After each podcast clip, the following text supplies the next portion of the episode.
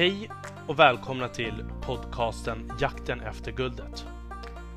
Denna podcast får ni följa mig, Armond Faltin, i min resa att hitta nya drivna vänner i jakten efter guldet.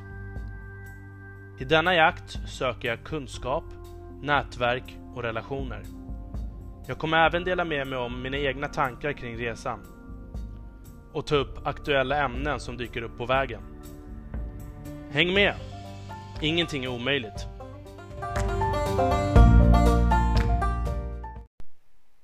Hej allihopa och välkomna till ännu ett avsnitt av Jakten efter guldet.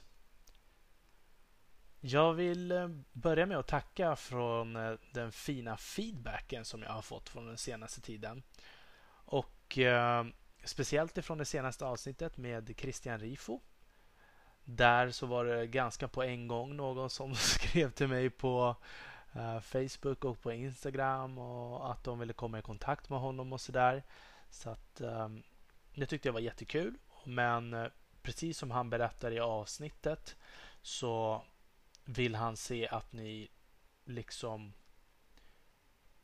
har kommit en bit på vägen och att ni har ett driv, att ni inte är i så tidigt skede utan liksom har någonting att visa upp för honom. Att, eh, att ni är engagerade helt enkelt. Och eh, Sen vill jag också tacka för den fina feedbacken för nu har jag äntligen fått en massa feedback om vad det är för någonting ni tycker om att lyssna på. Och då var det några som berättade att de tyckte om mitt första avsnitt där jag berättar om en resa och sådär. Och eh, jag tänkte nu eftersom vi är under coronatider så kan jag berätta en till liten resa för eh, så att man blir, får längta ut till utlandet lite grann nu när allting är stängt och kanske får samla krafter och mod och resa. Det här är för dem ett gnabbavsnitt för dem som kanske funderar på att resa ensamma. För jag tycker faktiskt inte att man ska behöva vänta på vänner om man vill resa. Så att uh, Mm. Det här blir ett gnabbavsnitt om att resa ensam. Som det brukar vara när man bara måste dra. Jag var otroligt uttråkad och trött på tillvaron som var. Det fanns liksom ingenting nytt. Allt gick så långsamt och tveksamt här. Jag kunde inte sätta fingret på det men jag är inte byggd för att sitta still. Jag måste vara i rörelse. Vad som helst, bara det är någonting nytt. Maten, den har ingen smak längre. Skuggsidan av att vara världsvan och erfaren är att ingen som är som en själv är här. De är någon annanstans. Där andra med nyfikenhet och mod är. Det var liksom den åldern då det inte fanns någon anledning att sitta still. Efter att nästan ha kvävts till döds av min egen förminskning så ber jag om nycklarna till mina släktingars hus i Thailand och beger mig av. Redan på Arlanda träffar man massa andra ensamresande som ska iväg. Vissa första resande och andra rutinerade. De kommer i alla åldrar och skepnader. De rutinerade dricker aldrig alkohol på en tio timmars resa med dessutom fem timmars tidsskillnad. Jag pratar med flera personer på planet och vi står upp precis som i en bar nästan hela resan ner. Många av oss byter nummer även om vi ska till olika ställen. Man vet aldrig. Man kan röra sig när som helst när man är i ett annat land. direkt när vi landar så tar jag någon vecka och hälsar på mina kompisar som bor här. Alla jobbar ju så det blir inte så det blir mycket umgås på arbetsplatsen och se hur de jobbar. Det är väldigt intressant att se hur otroligt mycket bättre vissa verksamheter går här. På grund av personalen. Jag menar, flyttar du utomlands så finns det ju inte så mycket annat än att bara jobba.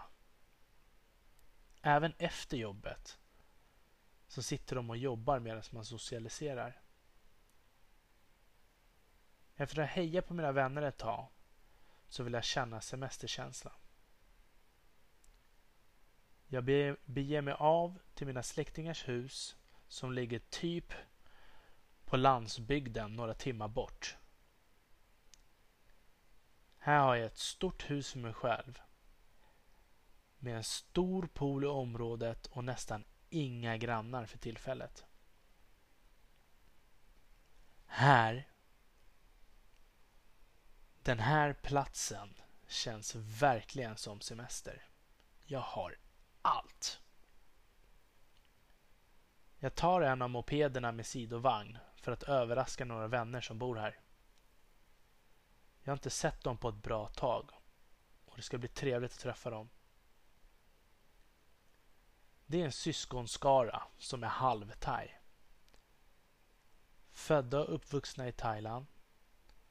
De har gått i skolan här men även i Schweiz, England och USA. Deras familj äger hotell, resort och restauranger. Men även syskonskaran är otroligt drivna. De bygger både på ett gemensamt bygge och egna sidoprojekt. Allt kan liksom bara startas på dagen. Jag minns förut när jag och min kusin en dag bad våran vän att ta med oss på lite dolda smultronställen. Vi satt på deras restaurang och pratade högt. Vi pratade lite om vad vi ville göra ungefär. Och han sa ja, visst. Och så började han babbla på. Det dröjde inte länge innan det kom fram några andra gäster och frågade om de fick följa med. Vår vän sa ja såklart och att han ska ordna en tour.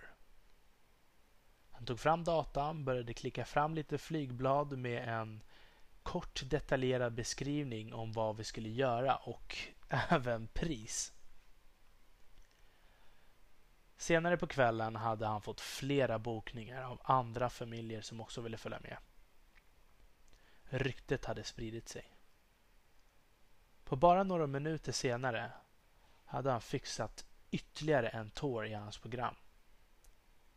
Med upphämtning, lämning, mat och dryck som ingår.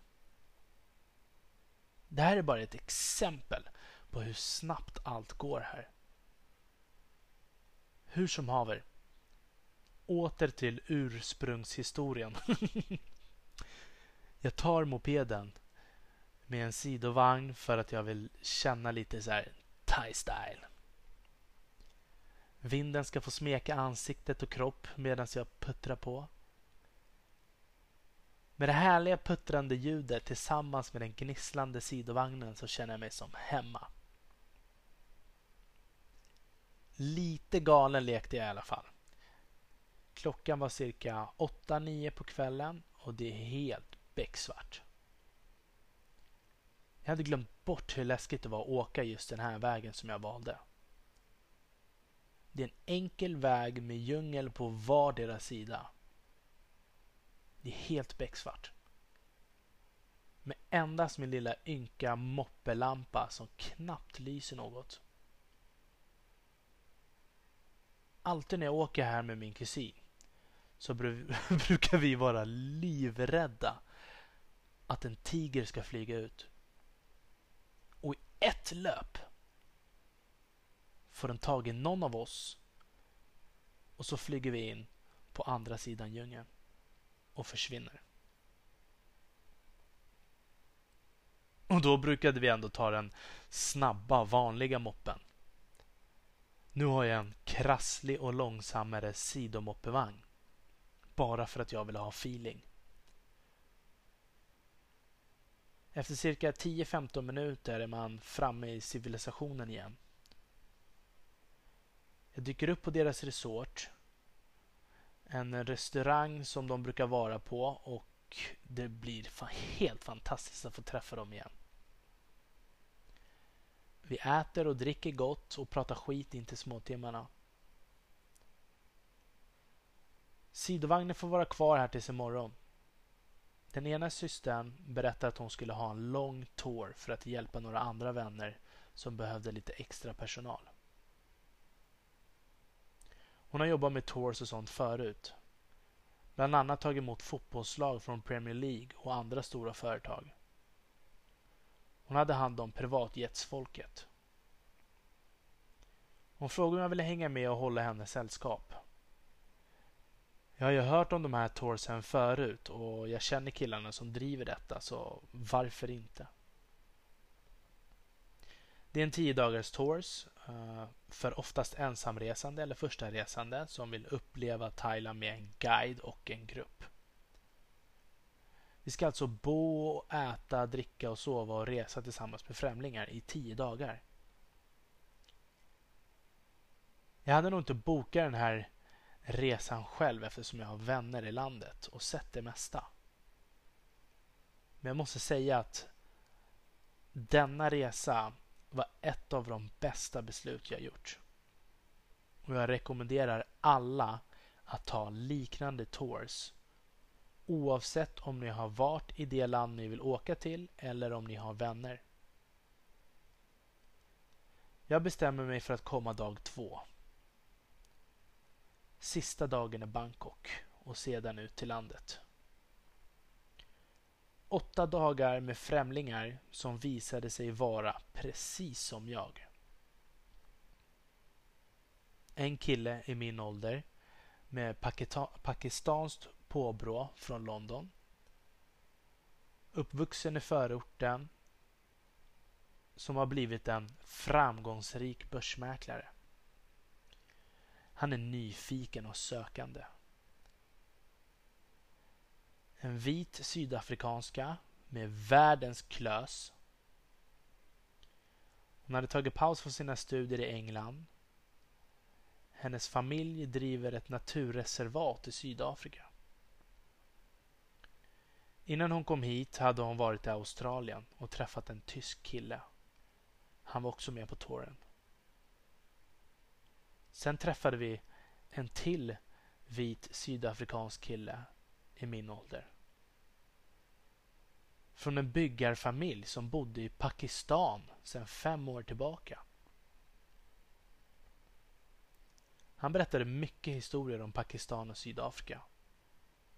Och hur han stormtrivs i Pakistan i kontrast till Sydafrika. Sen var det en holländska från hotell och restaurangbranschen. En koreansk amerikan som var apotekare. Och ett störtskönt brittiskt par som det kändes att, som att man hade känt hela livet. Första destination var Kaosok. Vägen dit var en härlig lång tågresa med övernattning. Man fick verkligen se landet från en fantastisk vy. Precis som när man åker tåg i Sverige, fast dubbelt så långt. I vår vagn var det typ bara vi. Och i vagnen efter var det matsalen. Den var helt tom. Alla andra passagerare åt vid sina platser. Så vi satt i matsalsvagnen hela resan och njöt av vin med god mat och dryck. Sovplatserna var faktiskt mysiga. Det var fällbara våningssängar med draperi både mot fönster och mot gång. Det var som en egen liten kupé som man kunde kolla på film på datan innan man somnade. Det var supermysigt faktiskt. När vi kommer fram så åker vi ner till en hamn där en longtailbåt ska hämta oss. Vid hamnen så ser vi att vi har hamnat i paradiset.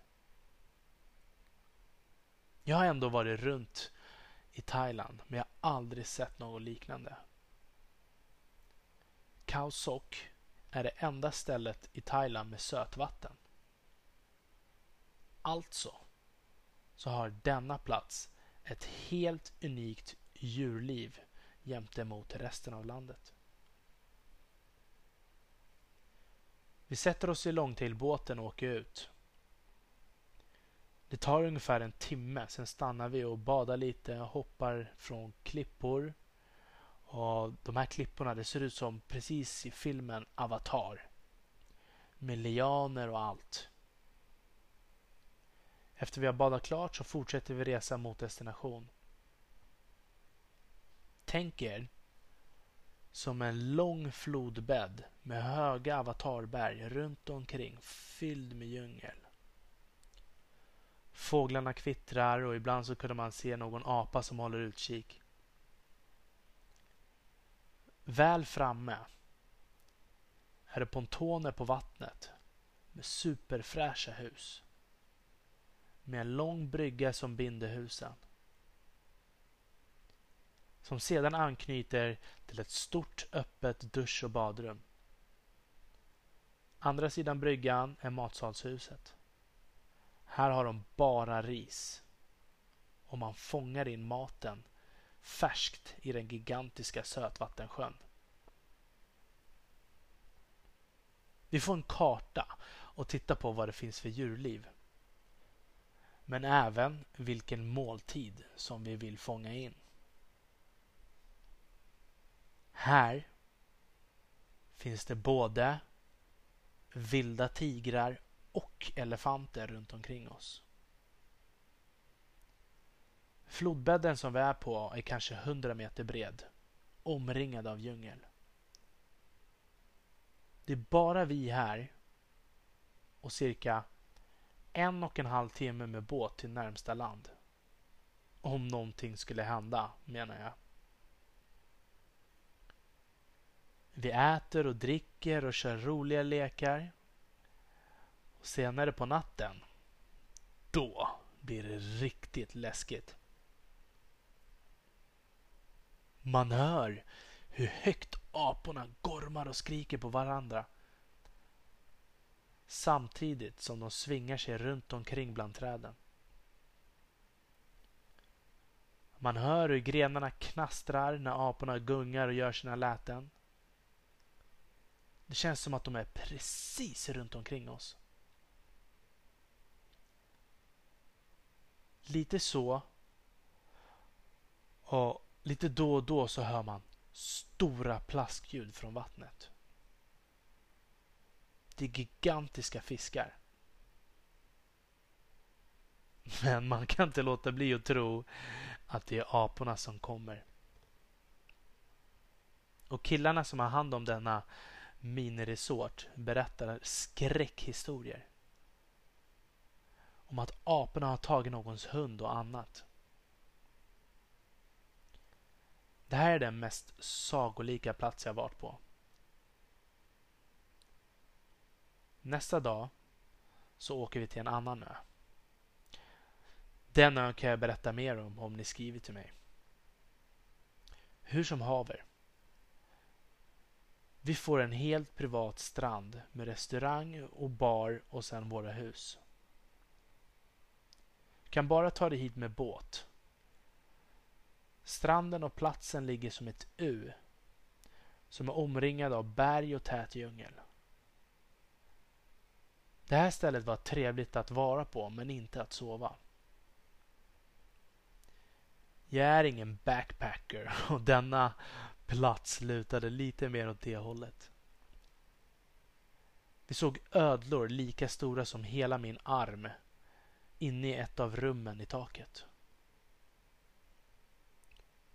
Efter en dag här så är det tillbaka till civilisationen i island life så att säga.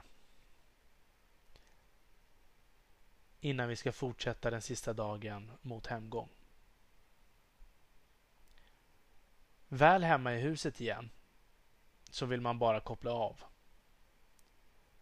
Dagen efter så åker jag till vännerna igen på deras restaurang för att göra min lilla och sista sociala runda tänker jag under middagen. jag vill ju bara vara hemma hela dagen och kolla på serier. Men nu har några andra kommit tillbaka hem igen från sina jobb. Några vita sydafrikaner som jobbar på en superstor jakt åt en rik svensk medicinare. Vi brukar lära de här tjejerna uh, lite svenska som de kan briljera med när de kommer tillbaka till jobbet. Även superkocken som jobbar där. En fransman som innan han kom hit hade han bott i USA. Här har alla vänner som kommer och går. Folk från hela världen. Men många stannar kvar. Vissa söker lycka efter sorg. En kvinna i 30-årsåldern vill ha en nystart efter förlorat sin mamma. En man i 40-årsåldern har precis förlorat sitt barn. Han kan bara inte vara hemma i Schweiz. Det lutar mot en nystart. Det är många här från välbärgade förhållanden som aldrig vill åka hem igen. Men även folk från enklare förhållanden som gjort succé. En italienare som är vinimportör. En australiensk racerförare. Många vill leva enklare liv och göra gott. Den här platsen är absolut ett av mina smultronställen. Men I'm more of a city guy. Så efter någon vecka så måste jag tillbaka till stan igen. Men här ska jag definitivt bygga hus. Och annat någon dag. Så detta var ett avsnitt för att drömma sig bort till utlandet igen. Nu när många känner sig fast under coronakrisen så hoppas jag att eh, det här motiverar någon som vill resa men inte vågar. Om man känner sig ensam eller så. Åk bara. När corona har lagt sig, ta en tour. Ta en kortare. Ta en längre. Helt upp till er. Men jag hoppas att ni reser själva om ni vill utforska. Vänta inte på vänner. Här har ni ett sätt att hitta reskamrater på vägen. Och många som tar sådana här tours kommer att vara kvar längre och gå på nya äventyr. Häng bara med och se vart vinden tar er. Det här får vara allt för den här gången. Och uh, vi hörs igen nästa vecka.